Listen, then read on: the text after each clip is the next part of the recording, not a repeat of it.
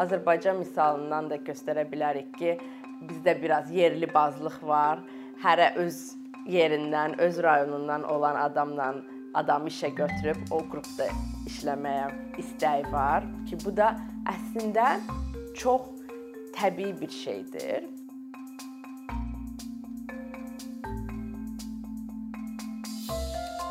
İqtisadiyyatın əsas fərziyyələrindən biri odur ki, mükəmməl rəqabət şəraitində e, tələb təklifi qarşılayacaq və bu səmərəli bir nəticəyə gətirib çıxaracaq. Səmərəlilik isə iqtisadiyyat üçün ən vacib olan fərziyyələrdən biridir, nəticələrdən biridir. Yəni hər iqtisadçı modelini yazdığı zaman o səmərəliliyi gətirib çıxartmağa çalışır modelini. Amma sonra gördülər ki, e, və bu fərziyyə neçə illərdir davam edib. 19-cu əsrdən ta iqtisadiyyatın başlanğıcından indiyə kimi, e, indiyə kimi dediyim 20-ci əsrə qədər, 20-ci əsrin başlanğıcına qədər bu səmərəlilik ən yəni bir fərziyyə olaraq qalıbdı. Amma sonra görüldü ki, 20-ci əsrin əvvəllərində daha çox analiz edildikcə modellər görüldü ki, bəzən elə olur ki, mükəmməl rəqabət şəraiti olsa belə bu səmərəli bir nəticələrə gətirib çıxartmır. Və bu bunun çox səbəbi ola bilər. Məsələn, deyək ki, ən tanınmış, ən çox analiz olunmuş səbəblərindən biri xaricilik deyilən bir məfhumdur.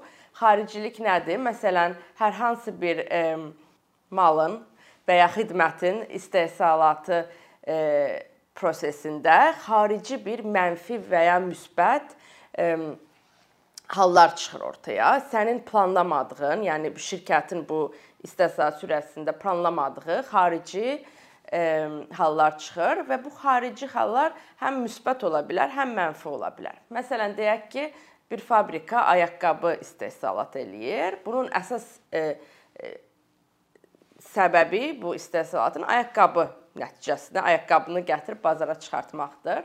Amma bu ayaqqabı istehsalatında dəridən istifadə olunur və dəri bilirsiniz ki, ən çox ekoloji çirklənməyə gətirən bir e, materialdır və dolayısıyla ayaqqabı istehsalatı çox böyük bir ekoloji çirklənməyə gətirib çıxarır. Bu isə səmərəliliyi bir dəfəlik silən bir şeydir. Çünki cəmiyyət üçün pis olan bir haldır şirkət üçün yaxşı olan bir haldır, amma şirkətin istəkləri ilə cəmiyyətin istəkləri üst-üstə düşmür, ona görə səmərəlilik alınmır.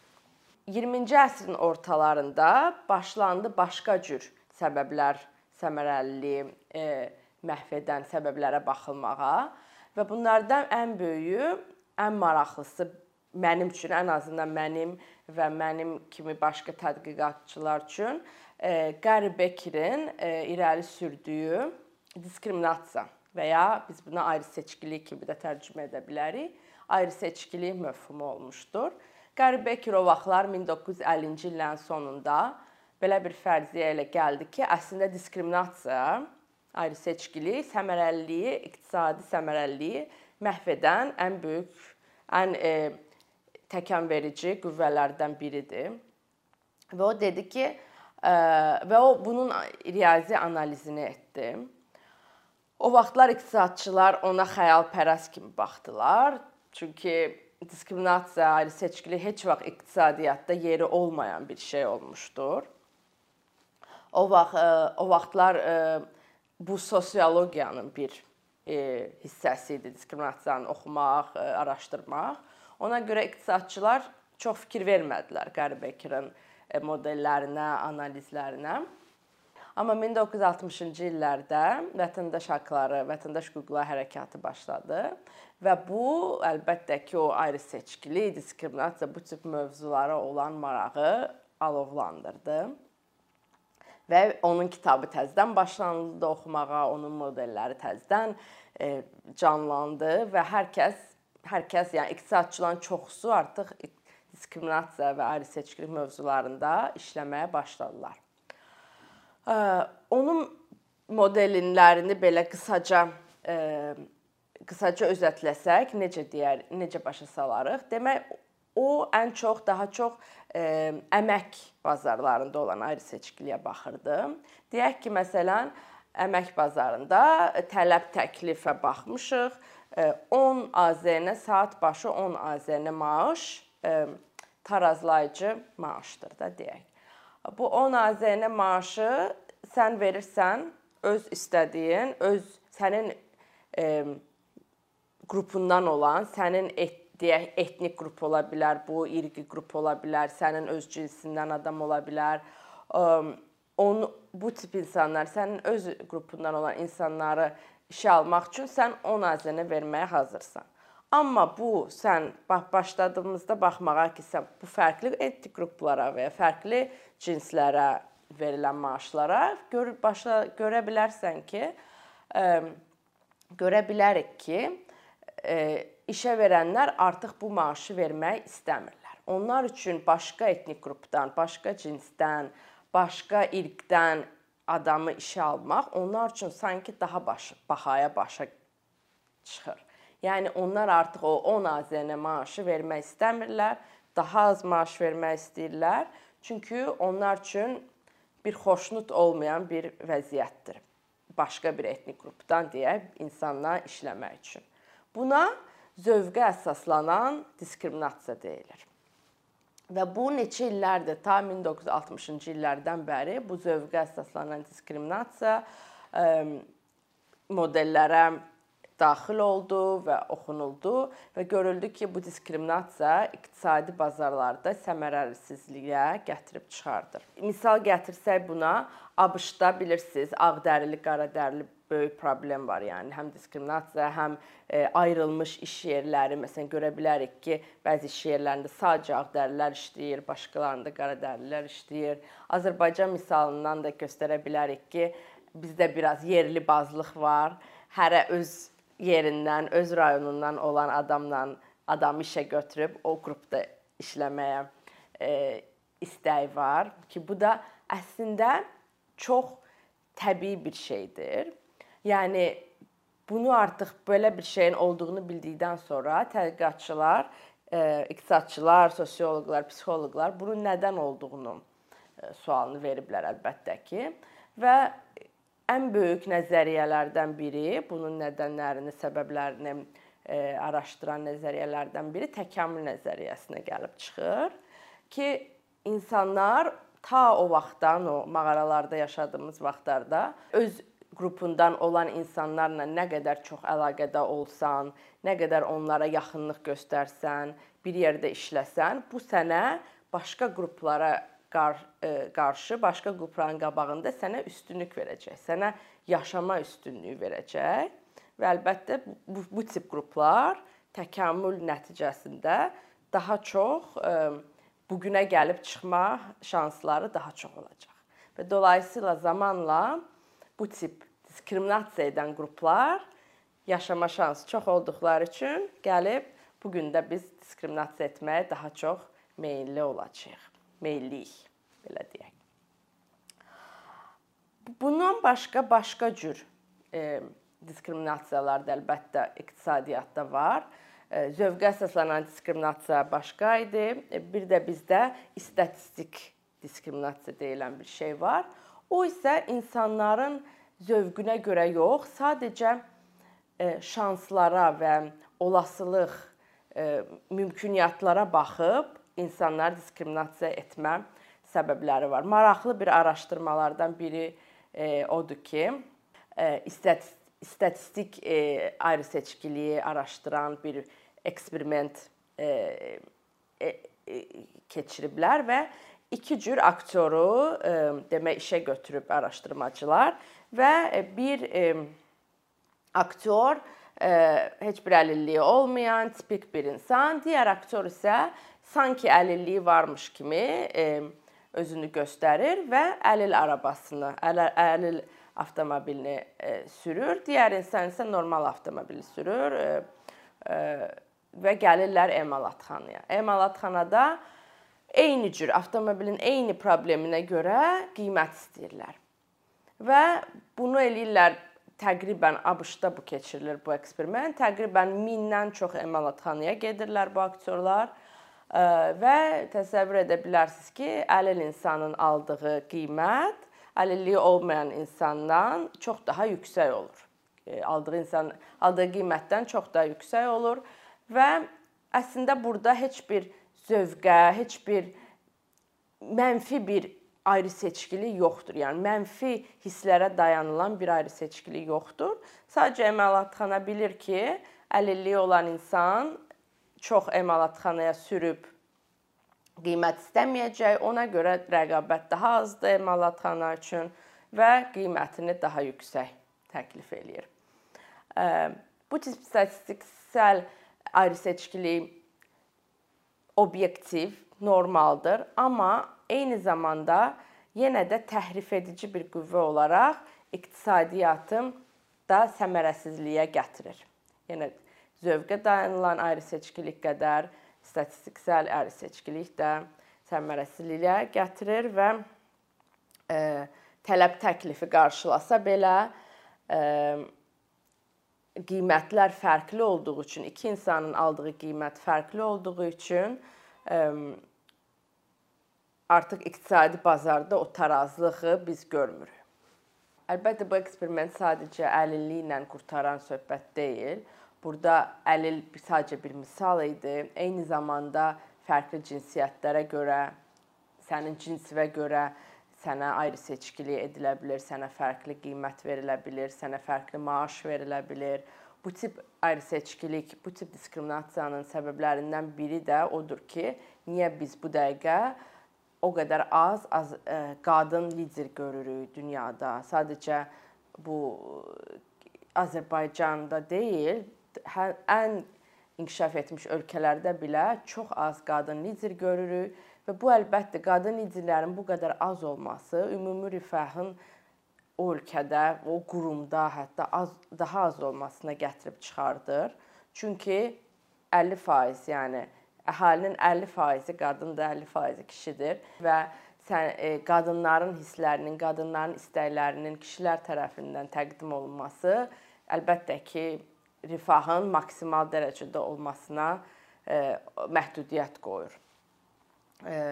Bu isə daha biz böyük bir miqyasdan baxsaq, nə qədər çox rifah azsa, nə qədər çox səmərəlilik azsa bazarlarda e, ki, ayrı deyək ki, məsələn, ayrı seçkilikdən gələn e, problemdirsə bu, e, bu ölkələrin inkişafına məhdudiyyət qoyur. O ölkələr daha e, geridə qalırlar, e, rəqabətdə daha geridə qalırlar başqa ölkələrlə, başqa şirkətlərlə və ayrı seçkilik dolayısıyla e, bizi inkişaf etdirən bir şey deyil.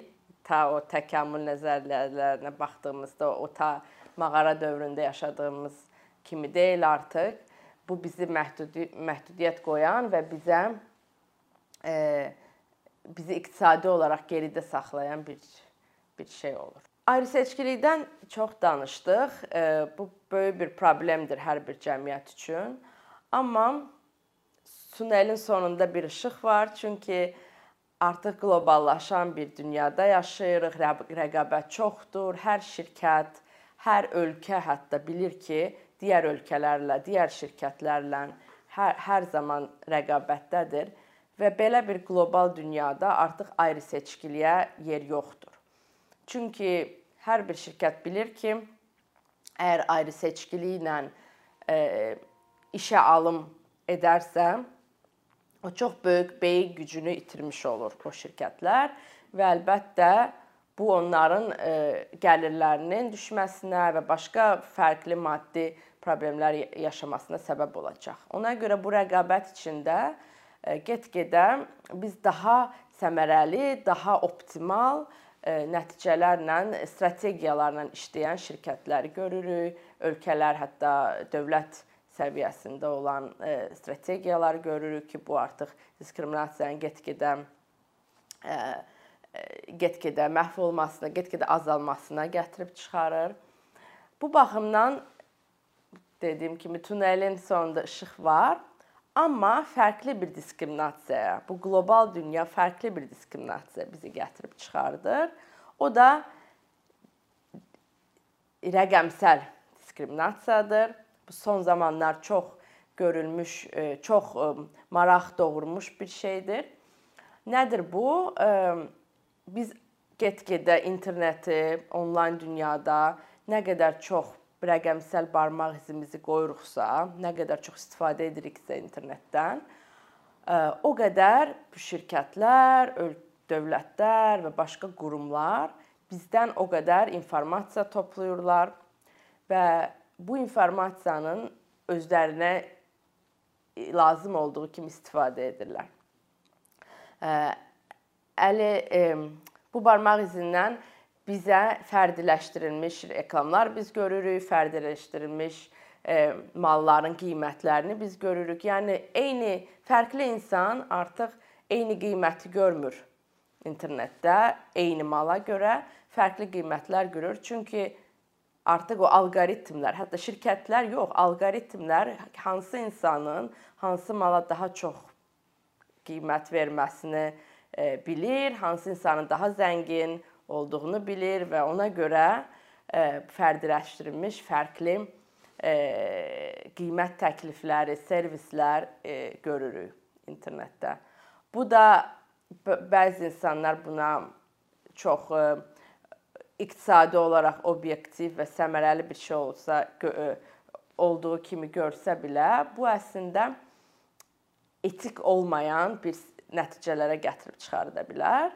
Çünki biz bilmirik bu informasiya bizim qoyduğumuz barmaq izimiz necə istifadə olunur, bizim icazə vermədiyimiz bir şəkildə bu bizə geri dönüşümdə gəlir və bu artıq çox da etik olmayan nəticələrə gətirib çıxara bilər ki, indi dövlətlər daha çox bunu idarə etməyə çalışırlar və daha da çox yəqin ki, daha da çox qanunlar bu haqqda keçiriləcək və daha çox biz qısıtlamalar görəcəyik bu mövzuda. Bir neçə ildir ki, əkinçi olaraq Azərbaycanlı izləyicilərin hər zaman faydalana biləcəyi keyfiyyətli və ən əsas ödənişsiz kontent hazırlamağa çalışırıq. İndiyədək təqdim etdiyimiz onlarla animasiya və yüzlərlə çəkilişlər tələbələrin, mütəxəssislərin, müəllimlərin və ümumiyyətlə yeni mövzulardan xəbərdar olmaq istəyən çox sayda insanın marağına səbəb olub. Bu illər ərzində hazırladığımız videolar təhsil, texnologiya, ictimai fəallıq, iqtisadiyyat, gender bərabərliyi, ətraf mühit, ifadə ifadə azadlığı, hüquq, demokratik inkişaf, mədəniyyət və digər mövzuları əhatə edib. Məqsədimiz çoxlu baxış gətirən deyil, çoxlu fayda gətirən videolar hazırlamaqdır. Amma bu düşündüyümüz qədər asan deyilmiş. Gördüyümüz iş kifayət qədər resurs, əmək və təbii ki, davamlılıq tələb edir. Bu səbəbdən Patreon platformasından istifadəyə başladıq. Əkinçinin Patreon hesabının populyarlaşmasına çox böyük ümidlərimiz və gözləntilərimiz var.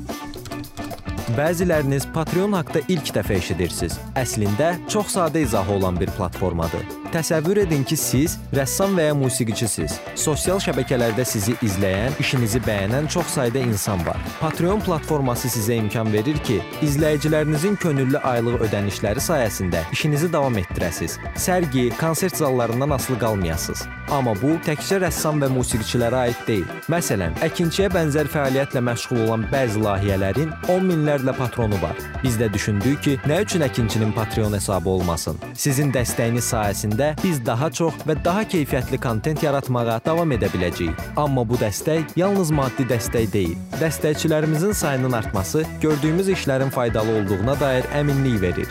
Patreon platformasından istifadə çox sadədir. Hesabınızı açırsınız, sizə uyğun dəstək növünü seçirsiniz və Patreon özü hər ayın ilk günü kartınızdan seçdiyiniz dəstək növünə uyğun ödəniş tutur. Bu qədər. Sonda onu demək istəyirik ki, dəstəkçilərin sırasına qoşulmaq istəyən, amma məhdud imkana görə bunu edə bilməyənlər narahat olmasın. Daha öncə dediyimiz kimi, bizim əsas məqsədimiz daha çox insanın hər zaman faydalana biləcəyi keyfiyyətli və ödənişsiz kontentin yaradılmasıdır. Bunun üçün mütləq patronumuz patronumuz olmalısınız deyə məcburiyyət yoxdur. Amma imkanınız patron olmağa çatırsa və bizim işimizi bəyənirsinizsə, patronlarımızın sırasına qoşulmağınız bizim üçün çox önəmlidir.